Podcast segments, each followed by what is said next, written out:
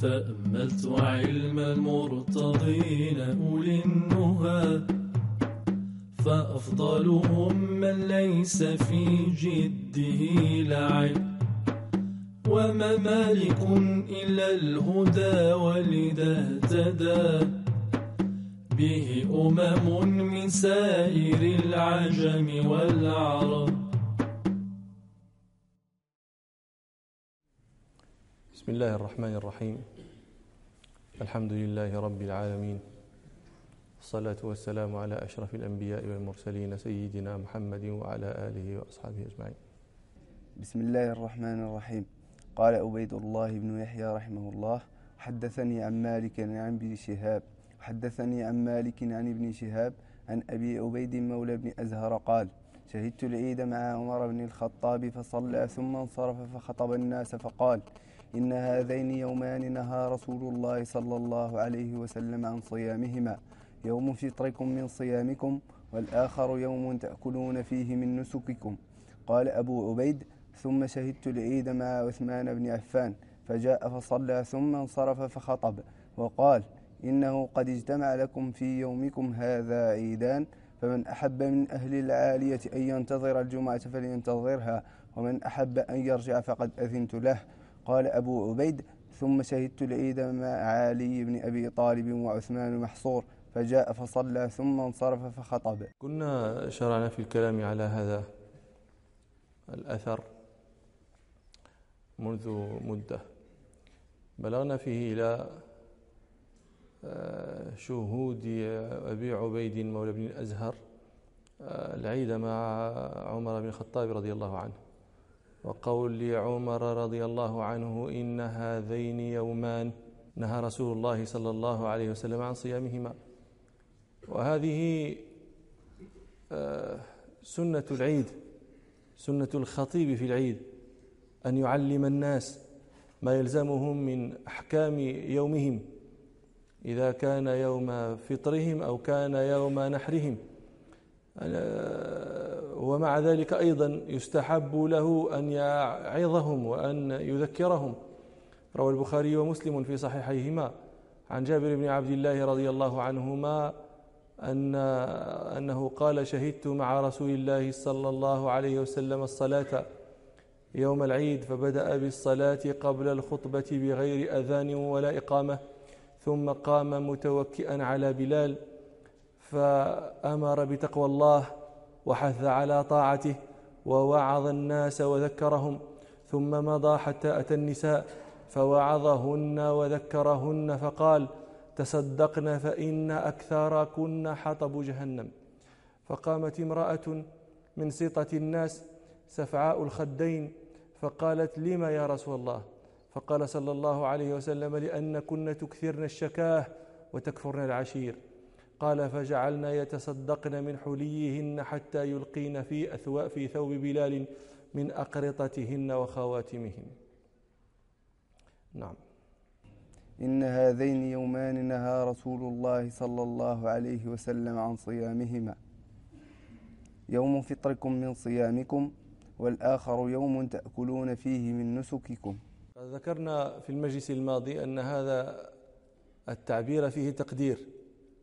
وهو أحدهما يوم فطركم من صيامكم والآخر ولا بد من تقدير أحدهما بدلالة الآخر عليه وقد ذكرنا لكم شواهد من من شعر من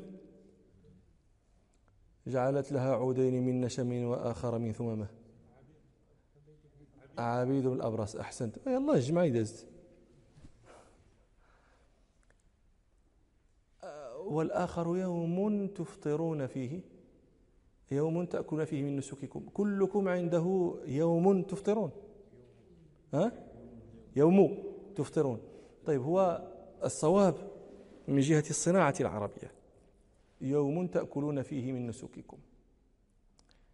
وهذا الذي ذكره قد ذكر بعض الحفاظ أن الرواية بعض حفاظ الأندلس أنهم رأوا هذا الحرف في رواية يحيى بالتنوين. والآخر يوم تأكلون فيه من نسككم. وغلطوا رواية ترك التنوين. وهذا والآخر يوم تأكلون فيه. لماذا لماذا ما, الوجه ما العلة في كون الصواب هو تنوين يوم؟ لأن قوله يوم تأكلون فيه من نسككم تكون هذه الجملة يوم تأكلون فيه تأكلون فيه تكون نعتا ليوم. أنتم تحفظون القاعدة. الجمل بعد النكرات نعوت وبعد المعارف أحوال. هذه قاعدة. بعد بعد المعرفة الجملة تكون حال. جاء زيد يشمر ثوبه كذا. هذه يشمر ثوبه جملة وهي حال. يعني حال كونه. ولكن إذا قلت جاء رجل راكبا حصانه ما هذه راكبا حصانه؟ نعت لأنه لأنه جاءت بعد نكرة. الآن يوم تأكلون فيه من نسوككم؟ هذه نعت. كما في قول ربنا واتقوا يوما ترجعون فيه إلى الله. هذه ترجعون فيه إلى الله؟ نعت لياش ليوما. اتقوا يوما. طيب فعلى ترك التنوين. لا تكون نعتا. تكون الجملة مضافا إليه. يكون يوم هذه كلمة يوم مضافا والجملة بعده مضافا إليه. وهذا ممنوع في في هذا الموطن. لماذا ممنوع؟ لأن الجملة فيها ضمير يعود على المضاف. والآخر يوم إذا قلت يوم يوم تأكلون فيه. هذه هاء في فيه. تعود على ماذا؟ والآخر يوم تأكلون فيه. الهاء تعود على اليوم. والآخر يوم تأكلون فيه. أي في ذلك اليوم من نسككم. فالجملة فيها ضمير يعود على اليوم. فإذا أضفت هذه الجملة التي فيها ضمير يعود على اليوم فكأنك أضفتها إلى نفسها. وهذا ممنوع عند النحويين. لما كان فيها الضمير كان غير جائز أن تكون مضافة إليه وتحتم كونها نعتا.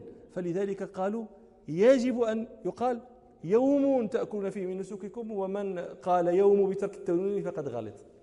نعم. قال أبو عبيد ثم شهدت العيد مع عثمان بن عفان فجاء فصلى ثم انصرف فخطب. شهد العيد مع عثمان رضي الله عنه فجاء فصلى ثم انصرف فخطب. وهذا كما تقدم لنا أن هذا هو هذا هو السنة وهذا لا خلاف فيه بين الفقهاء أن المقدمة الصلاة ثم الخطبة. وهذا نحو هذا الأثر ممن مما يستدل به على أن عثمان كان يفعل هذا في صدر خلافته ثم بعد آه، خطب أولا للعلة التي ذكرنا في الماضي. نعم. وقال إنه قد اجتمع لكم في يومكم هذا عيدان فمن أحب من أهل العالية أن ينتظر الجمعة فلينتظرها ومن أحب أن يرجع فقد أذنت له. اجتمع لكم في يومكم هذا عيدان. يعني هذا العيد والجمعة. وهذا مفهوم في في في هذا الكلام في في في الموطأ ليس مصرحا به. وقد ورد التصريح به في آه، مصنف عبد الرزاق. آه، عبد الرزاق روى هذا الأثر عن أبي عبيد مولى بن أزهر قال ثم شهدته أي العيد ثم شهدته مع عثمان في يوم جمعة. فصرح. قال فصلى فبدأ بالصلاة قبل الخطبة بلا أذان ولا إقامة ثم خطب الناس فقال يا أيها الناس إن هذا يوم اجتمع لكم عيدان إلى آخره. نعم. وقال إنه قد اجتمع لكم في يومكم هذا عيدان فمن أحب من أهل العالية أن ينتظر الجمعة فلينتظرها ومن أحب أن يرجع فقد أذنت له. اجتمع عيدان اجتمع الجمعة والعيد. عثمان رضي الله عنه رأى أن الإمام يمكن له يجوز له أن يأذن لمن حضر الجمعة لمن حضر العيد أن يترك الجمعة. هذه مسألة اختلفت الرواية فيها عن مالك رحمه الله. فروى ابن القاسم عن مالك أن هذا لا يجوز. لا يجوز للإمام أن يأذن لمن شهد العيد أن لا يشهد الجمعة. وهذا هو المشهور وهو الذي ذكره الشيخ خليل رحمه الله في المختصر. لما ذكر الشيخ خليل ال ال ال الأشياء التي لا تكون عذرا في ترك الجمعة. ما يتوهم أنه عذر يعذر به صاحبه في ترك الجمعة وليس بعذر في الواقع. فقال وشهود عيد. ما هذا؟ يعني ليس بعذر في ترك الجمعة وشهود عيد. وإن آذن الإمام والمطرف وابن الماجشون وابن وهب رووا عن مالك رواية آه، بأن ذلك جائز للإمام. جائز للإمام أن يأذن كما أذن عثمان رضي الله عنه وهذا مذهب الشافعية والحنفية. أما رواية ابن القاسم والتي هي المشهور من المذهب فيستدل لها بقول ربنا سبحانه يا أيها الذين آمنوا إذا نودي للصلاة من يوم الجمعة فاسعوا إلى ذكر الله وذروا البيع. ذلكم خير لكم إن كنتم تعلمون. وجه الشاهد أن ربنا سبحانه لم يخص يوم عيد من غيره. إذا نودي للصلاة من يوم الجمعة فاسعوا. وما قال وما استثنى عيدا. قالوا فتبقى الآية الأمر في الآية على عمومه حتى يرد دليل يخرج يخرج بعد ما دخل فيه. وقالوا استدلوا أيضا بالنظر قالوا إن الفرائض ليس للإمام الإذن في أن في أن ليس للإمام أن يأذن للناس في تركها. وإن فعل ليس ذلك بمبيح للناس تركها. إنما تترك الفرائض لعذر فإن وجد العذر سقطت الفرائض وإلا لم تسقط. وأما الرواية الأخرى عن الإمام مالك رواية ابن الماجشون وابن وهب ومطرف والتي هي مذهب الشافعية والحنفية. فإنهم استدلوا لها بأثر عثمان هذا. وعثمان رضي الله عنه يخطب يوم عيد ويوم العيد يجتمع الصحابة جميعا فيه لا يغيب منهم أحد. فأمر بهذا فآذن للناس ولم ينكر ذلك عليه أحد. فقالوا هذا إجماع. واستدلوا أيضا بالنظر. قالوا آه الجمعة يسقط فرضيتها المشقة يسقط فرضيتها المسافة. فكما أن المشقة تسقط الفرض الجمعة فالمشقة حاصلة بتكرر العود إليها بعد أن يأتي للعيد ثم يذهب ثم يعود الجمعة فهذه مشقة بهذا التكرر فتسقط والجمعة تسقط للمشقة. عندما يقول تسقط يعني يسقط فرضها فمن صلاها صلاها ومن لم يصلها صلى الظهر بدلها. لكن ينبغي أن يعلم هذا هو الخلاف. والذي يظهر لي هو مذهب المالكية لما سأذكره إن شاء الله. لكن ينبغي أن يعلم الناس أن هذا الكلام خاص بأهل العوالي. العوالي وقال قال عثمان رضي الله عنه وما أهل العالية؟ العالية جمع العوالي. العوالي هي منطقة في أعلى المدينة آه، أقربها إلى المدينة كان يبعد بثلاثة أميال. ثلاثة أميال يعني قرابة خمس كيلومترات. وأبعدها ثمانية أميال. وسميت عوالية لعلوها لأنها لأن مواضعها مشرفة. وهذا كان في ذلك الزمان وإلا الآن العوالي صارت من حي حياء المدينة فالبنيان بلغها بل جاوزها. هذا الكلام. قلنا خاص بأهل العوالي الذين في هذا الوقت ليسوا من أهل الأمصار. أما أهل الأمصار فالفقهاء هؤلاء الذين ذكرت لكم لم يختلفوا في أنهم في أن العيد لا يسقط عنهم الجمعة. لماذا؟ قالوا لأن آه، عثمان رضي الله عنه يخاطب أهل العالية. هو يخطب الناس يخطب فيهم. فلما جاء الرخصة قال إنه قد اجتمع لكم في يومكم هذا عيدان فمن أحب من أهل العالية؟ ولم يقل فمن أحب منكم كما قال اجتمع لكم. اجتمع لكم لمجموعكم. فمن أحب من أهل العالية؟ فخص الكلام بأهل العالية. ولذلك لما آه، نظم الشيخ الشيخ محمد سالم رحمة الله عليه المختصر وجاء إلى هذا الموضع أو شهود عيد وإن أذن الإمام.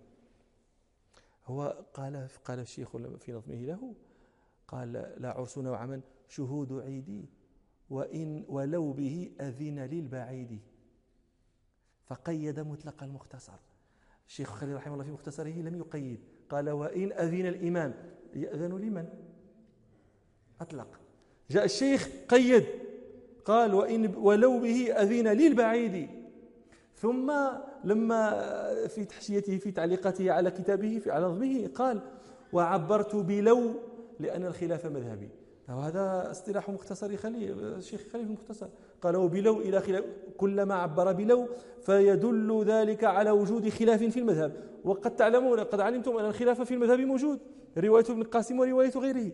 ولو به إشارة إلى الخلاف أذن للبعيد قال وقيدت بالبعيد لأن الخلاف إنما هو فيه. معناه القريب القريب الذي هو من أهل مصر. لا خلاف في أن الجمعة أن لا تسقط عنه بالعيد. هذا مذهب الجمهور المالكية والشافعية والحنفية. وخالف في هذا الحنابلة. قال الحنابلة رحمة الله على الجميع الجمعة تسقط عن من حضر العيد مطلقا بعيدا كان أو قريبا.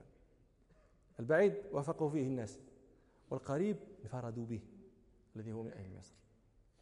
واستدلوا على ذلك بما رواه الإمام أحمد وأبو داود والنسائي وابن ماجه عن إياس بن أبي رملة الشامي أنه شهد معاوية رضي الله عنه يسأل زيد بن أرقم يا رضي الله عنه يقول هل شهدت مع رسول الله صلى الله عليه وسلم عيدين اجتمعا؟ قال نعم. يعني ماذا فعل؟ قال صلى في صلى العيد في أول النهار ثم رخص في الجمعة وقال صلى الله عليه وسلم من شاء فليجمع. ومن لم يشاء فلا يجمع. قالوا قال الحنابلة ومن هذه من هذه إيش عام صيغ العموم. واستدلوا أيضا بما رواه آه، أبو داود في سننها عن أبي هريرة رضي الله عنه أن رسول الله صلى الله عليه وسلم قال إنه قد اجتمع لكم آه، عيدان فمن شاء أجزأه عن الجمعة وإنا مجمعون. فقالوا فقد قال النبي صلى الله عليه وسلم فمن شاء أجزأه عن الجمعة. يعني إن شاء صلىها وإن شاء لم يصليها الجمهور يجيبون عن هذا بأن هذين الحديثين محمولين على أن المراد بهم أهل العوالي. وإن كان اللفظ ظاهره العموم لكن المراد به أهل العوالي دون غيرهم. لماذا؟ قالوا جمعا بين هذين الحديثين وغيرهما من الأدلة. قول الله تعالى يا أيها الذين آمنوا إذا نودي الصلاة من يوم الجمعة. حديث عثمان. قالوا الجمهور يحملون حديثي زيد بن أرقم وأبي هريرة على أنهما آه، يختصان بأهل, بأهل العوالي فهم الذين آه، يسلط عليهم الكلام لكن هنا قد يرد إيراد قد يقول قائل إن أهل العوالي في الأصل لا تجب عليهم الجمعة عند الأكثر. هم مرخص لهم في ترك الجمعة من غير هذا هذه الحديثين. فكيف يسلط الحديثان على على من له رخصة؟ الحديثان فيهما الترخص بترك الجمعة وتسلطونهم يا معشر المالكية والشافعية والحنفية على أهل العوالي وهم لهم رخصة. فهذا يؤول إلى الترخيص لذي رخصة. وهذا تحصيل حاصل ولا لا؟ نقول الجواب عن هذا أن أهل العوالي عندما يجيئون لصلاة العيد فإنهم يكونون في موضع تجب على أهله فيه صلاة الجمعة. واضحة هذه؟ فأعلمهم رسول الله صلى الله عليه وسلم أن أنه ليس عليهم أن يمكثوا ثم حتى يدخل وقت الجمعة. وأخبرهم أن أن لهم الرخصة في الانصراف. فمن شاء منهم مكث ينتظر الجمعة اختيارا. ومن شاء انقلب إلى بيته الذي هو ليس في موضع تجب عليه فيه الجمعة. وهذا وهذا التقرير لابد منه جمعا بين الأدلة ويدل عليه صريحا أثر عثمان في الموطأ. عثمان رضي الله عنه في العيد يخطب بالجميع فلما جاءت الرخصة خاطب أهل العالية فقال فمن شاء من أهل العالية أن يرجع فقد أذنت له. ولهذا قلنا الظاهر هو مذهب المالكية وأن هذا هذه الرخصة مراد بها غير ذوي الأمصار. أما صاحب المصر فإن العيد لا يسقط عنه فرض الجمعة. عطاء بن أبي رباح والزبير بن العوام ذهبا مذهبا انفردا به في هذه المسألة يقولان إنه إذا اجتمع العيد والجمعة. فإنه يجمع العيد والجمعة في ركعتين في أول النهار. ثم بعد ذلك له أن لا يصلي شيئا حتى صلاة العصر. هذا هو قول الحنابلة. ما ما قول الحنابلة؟ يسقطون فرض الجمعة لكن لكن لا يسقطون الظهر عنه. عطاء بن أبي رباح وعبد الله بن الزبير بن عوام يسقطون عنه الجمعة والظهر. يجمعهما في ركعتين في أول النهار ثم لا يأمرونه بصلاة شيء أصلا لا جمعة ولا ظهر حتى يصلي العصر. روى عبد الرزاق في مصنفه عن عطاء بن أبي رباح. قال إذا اجتمع يوم فطر ويوم جمعة في يوم واحد فليجمعهما فليصلي ركعتين قط حيث يصلي الفطر ثم هي هي حتى العصر. وقال عطاء آه، اجتمع لنا يوم فطر ويوم جمعة في يوم واحد في عهد على عهد الزبير. فقال عيدان اجتمعا. فجمعهما فصلى الجمعة ركعتين بكرة صلاة الفطر ثم لم يزد عليهما حتى العصر. وروى أبو داود في السنن عن عطاء بن أبي رباح قال آه، صلى بنا ابن الزبير في يوم عيد في يوم الجمعة في أول النهار ثم رجعنا إلى الجمعة فلم يخرج إلينا فصلينا وحدنا. وكان ابن عباس بالطائف فلما قدم ذكرنا ذلك له فقال أصاب السنة. إذا القول واضح ياك. ابن عبد البر رحمه الله لما ذكر هذا القول قال وهذا قول منكر. أنكره فقهاء الأمصار ولم يقل به أحد منهم. وهذا الذي ذكره ابن عبد البر رحمه الله صحيح. فلم يذهب أحد من أهل المذاهب إلى هذا القول. أن الظهر والجمعة يسقطان جميعا. ورواية عبد الرزاق فيها فعل ابن الزبير. وفعل ابن الزبير قد خالفه غيره فيه غيره من الصحابة فلا يشكل. لكن الذي قد يشكل على بعض على على الذي قد يشكل في الخلاف هو حديث أبي هو حديث أبي داود. لما ذكر ذلك لابن عباس فقال أصاب السنة. وقد تقدم لنا أن قول الصحابي أصاب السنة أو من السنة كذا أو السنة كذا أنها سنة النبي صلى الله عليه وسلم وأنه في حكم مرفوع. نحن نقول جوابا عن هذا. عندما يقولون فرجعنا قال عطاء بن ربي رباح فرجعنا إلى الجمعة. فلم يخرج إلينا. نحن نقول نحمل هذا نعم لم يخرج إليهم لكن لا يعني هذا أنه لم يصلي الظهر. لم يخرج إليهم نعم. ولكن أين لكم أنه لما لم يخرج إليهم لم يصلي الظهر؟ هل يجوز أنه صلى الظهر في بيته من غير أن يخرج إليهم؟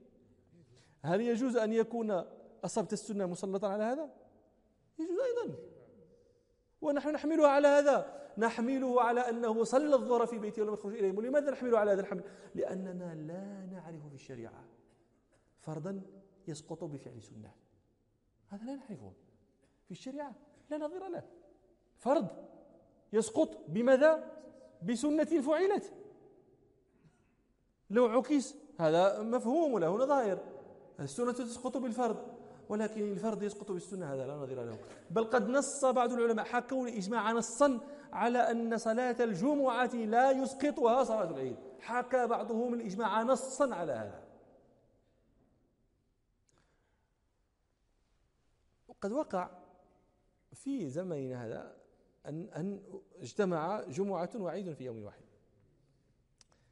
فخاض الناس في هذا خوضا. خاض من لا يصلح أن يخوض في هذا. ومنهم من قال أنا أفعل كما فعل ابن الزبير. وعطاء. وهذا من العجائب. يعني تترك الملايين المملينة من العلماء من المذاهب كلها وتتبع رجلين. ما ما هذا ما هذا التدين؟ سب انت ولا خصك السبب باش تخلي الصلاه ولا يقول لي قائل لا قال ابن عباس أصاب السنة. السنة صرح بها رسول الله صلى الله عليه وسلم نفسه. ولا لا؟ ما ومن شاء أجزأه عن الجمعة. وإنا مجمعون. ما السنة اذا إذا اجتمع العيد والجمعة فالسنة أن يصليها وقد صرح النبي صلى الله عليه وسلم نفسه بذلك. فلم يعني قطعت جاهزة قول كل خطيب. لا ما قال لأحد بعد قول النبي صلى الله عليه وسلم نفسه لا ابن, عب لا ابن عباس ولا ولا غير ابن عباس. على أننا نقول إن قول ابن عباس أصابت السنة. يعني السنة في إقرار النبي صلى الله عليه وسلم للمتخلف في التخلف. هذا هو. والسنة منها إقرار أيضا. فالنبي صلى الله عليه وسلم الذي تخلف عن الجمعة أقر له بالتخلف. نحن نحمله على أهل العوالي وغيرنا على الخلاف. لكن هذه سنة إقرارية. أما السنة الفعلية التي فعلها النبي صلى الله عليه وسلم فهي أنه صلى الجمعة. والناس ينبغي أن تأخذ دينها مأخذ الجد. لا لا تنظر إلى الدين. لا لا ينبغي أن تترك الناس ينظرون إليها كنظر الذي يبحث عن سبب لأجل الترك. يغلب الشباب. جانب الترك في سنة النبي صلى الله عليه وسلم على جانب الفعل. ما, ندري هذا. يعني هكذا كان في ذلك النهار. أكثرهم يميل إلى أن لا يصلي الجمعة بدعوى السنة. وما هذا؟ وغير هذا أليق وأولى بالعابد بالمستن. لو كانت السنة تنال بالترك ما, ما كان أسهل الجنة. كيف هذا والنبي صلى الله عليه وسلم يقول ألا إن سلعة الله غالية؟ ألا إن سلعة الله جنة. غالية تنالها بأن تترك. هكذا تجلس. وأنا متأهل إلى الجنة. الناس مشمرون ولا يدرون أيدخلون أم لا يدخلون. وأنت مطمئن تظن أنك وطئت فيها برجليك وأنت تارك. نعم. قال أبو عبيد ثم شهدت العيد مع علي بن أبي طالب. وعثمان محصور فجاء فصلى ثم انصرف فخطب.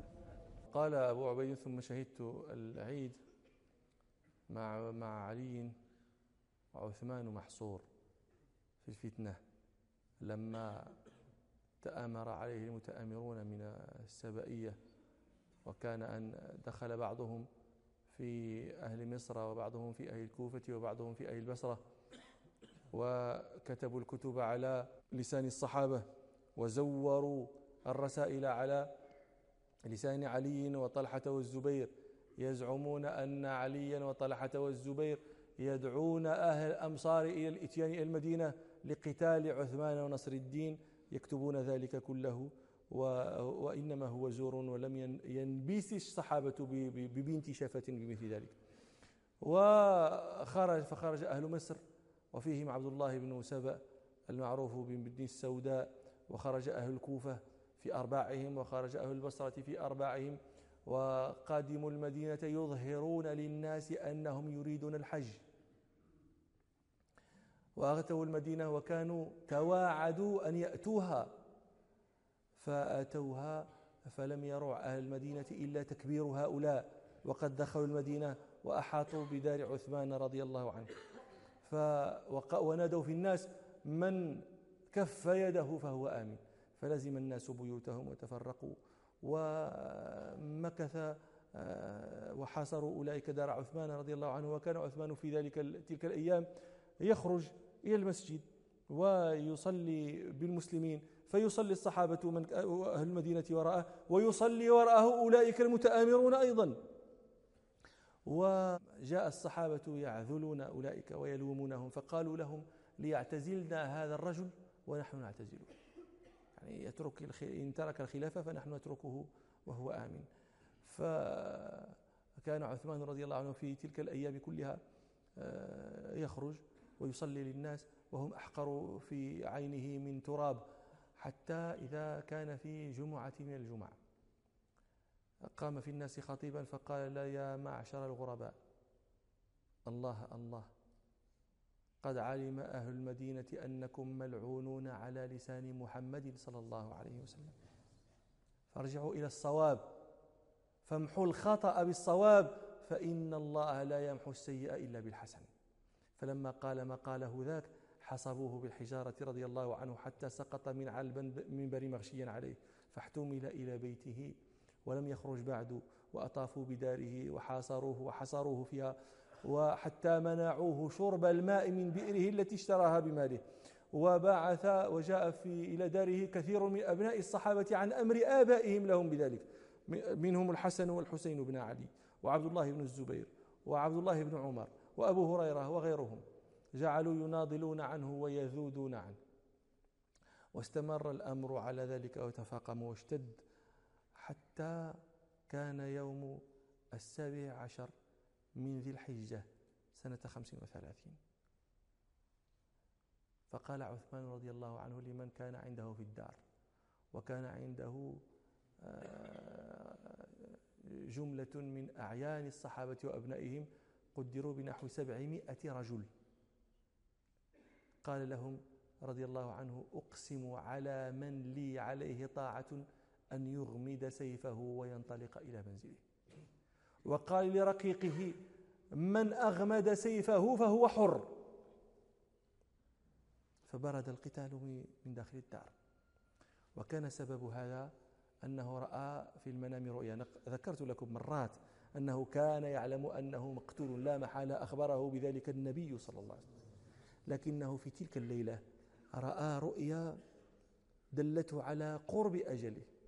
وهو أنه رأى رسول الله صلى الله عليه وسلم في المنام يقول له أفطر عندنا.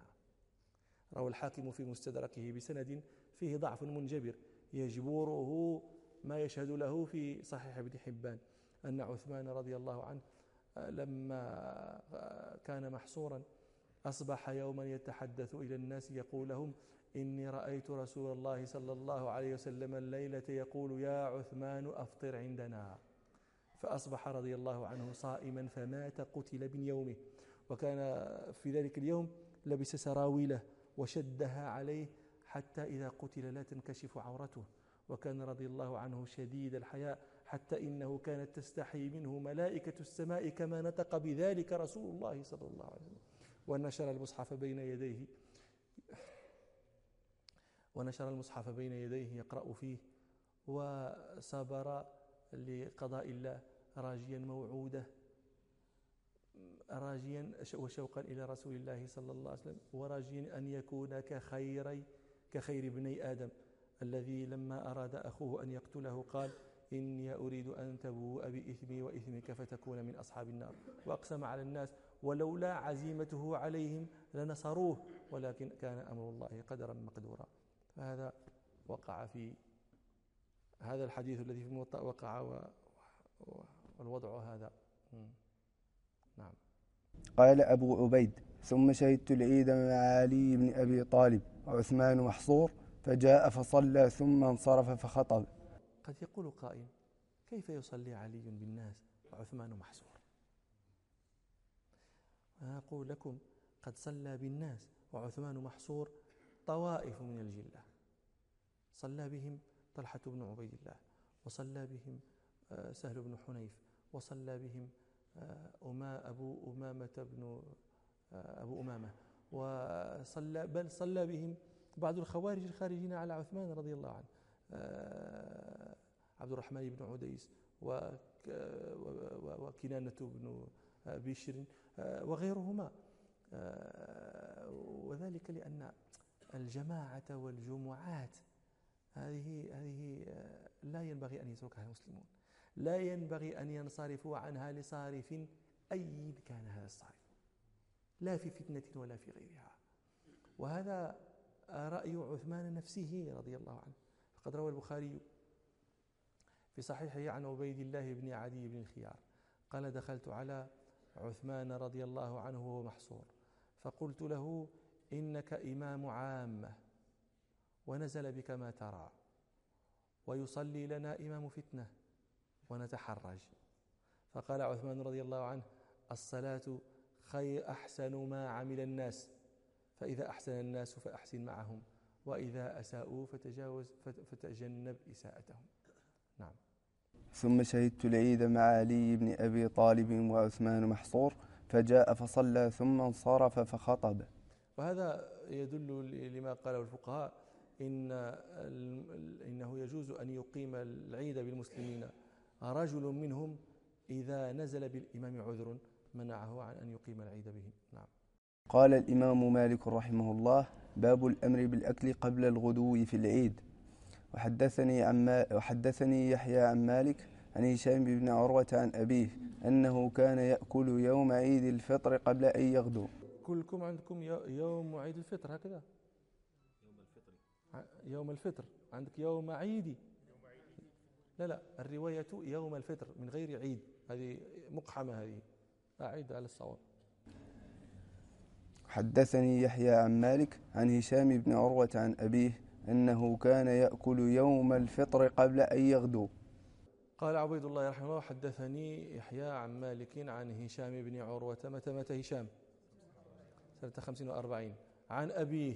سنة أربعين وتسعين وهي سنة وهي سنة الفقهاء. سنة الفقهاء لماذا؟ لكثرة ما حصدته من الفقهاء. عن هشام بن عروة عن أبيه أنه كان يأكل يوم الفطر قبل أن يغدو. يوم الفطر؟ هذا يصلح أن يقال لفتح شوال ويصلح أن يقال لعشر ذي الحجة ولا لا؟ كلاهما يوم يجب الفطر فيه يجب الفطر فيه ولا لا؟ فيصح أن يقال عن الفتح من شوال وعن العشر من ذي الحجة لكنه إذا صار إذا أطلق انصرف إلى الفاتح من شوال فكأنه صار علما بالغلبة غلب على هذا اليوم. كما يقول النحاة ذكره سيبويه في الكتاب. وكم من الكتب ألفت في النحو؟ ولكنه صار هذا علما بالغلبة على كتاب سيبويه. آه، يقولون جمرة العقبة. كم من العقبات في في في في مكة ونواحيها؟ ولكن العقبة هي هذه. فصار كلمة العقبة علما بالغلبة على العقبة التي يرمي الناس فيها الجبال. وإلى مجلس آخر إن شاء الله. سبحانك اللهم وبحمدك. أشهد أن لا إله إلا أنت. أستغفرك وأتوب إليك. الحمد لله رب العالمين.